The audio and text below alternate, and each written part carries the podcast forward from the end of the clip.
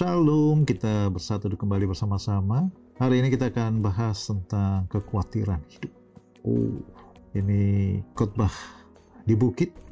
Tuhan Yesus didatangi murid-murid, dua dirubung oleh masa dan dia pergi ke suatu bukit di Kapernaum dan mengajarkan, tentu masih ingat tentang hal berbahagia, tentang berdoa, berpuasa dan di Matius 6:25 tentang khawatir. Jadi ternyata zaman Tuhan Yesus orang sudah tahu itu namanya khawatir. Ya, kalau sekarang kita tahu kekhawatiran itu salah satu penyakit ya yang melanda banyak orang khususnya masa Covid itu banyak orang yang stres ya bukan hanya di negara Asia, negara berkembang tapi juga di negara maju di Eropa, di Amerika, di Australia semua mengalami tekanan-tekanan. Dan Tuhan Yesus mengajar supaya jangan khawatir karena khawatir sumber penyakit. Tuhan Yesus berkata demikian di Matius 6 ayat 25 karena itu aku berkata kepadamu janganlah khawatir akan hidupmu jangan khawatir dengan hidup kita akan apa yang hendak kamu makan atau minum dan janganlah kamu khawatir akan tubuhmu akan apa yang hendak kamu pakai. Bukankah hidup ini lebih penting daripada makanan? Dan tubuh itu lebih penting daripada pakaian. Yang pertama orang biasanya khawatir dalam hidup dia itu ada dua kelompok. Pertama makanan. Ya, makanan itu kalau zaman sekarang ya mungkin biaya-biaya lah.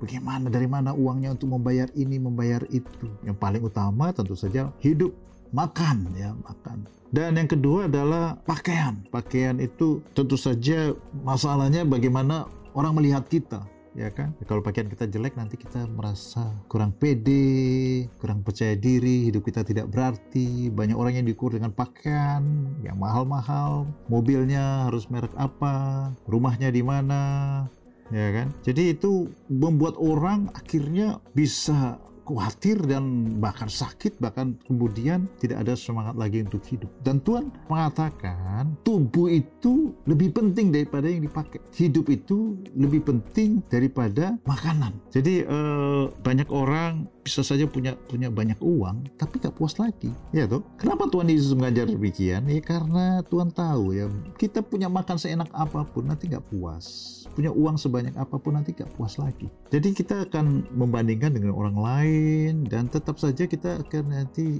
penuh dengan kekhawatiran. Dan Tuhan Yesus mengatakan hidup ini lebih penting daripada makanan. Artinya, Bapak Ibu sekalian, kalau orang sehat dan bekerja, pasti makanan tercukupi lah. Pasti kebutuhan-kebutuhan yang tercukupi. Saya melihat orang yang dulu kelihatannya pendidikannya, sekolahnya nggak terlalu hebat, ya tapi dia beribadah, bekerja, ya setelah dia berumur 40-50 nikmati juga kok semua orang pergi ke luar negeri punya rumah punya kendaraan. Ya ada saja cara Tuhan memberkati. Jadi hidup itu lebih penting. Bisa hidup sehat beraktivitas bekerja itu jauh lebih penting daripada kita mikirin makanan biaya bandingkan dengan orang lain yang nggak akan ada habis-habisnya demikian pula Tuhan Yesus mengatakan, bukankah tubuh ini lebih penting daripada pakaian? Artinya kita bisa happy, kita bisa uh, tersenyum, kita bisa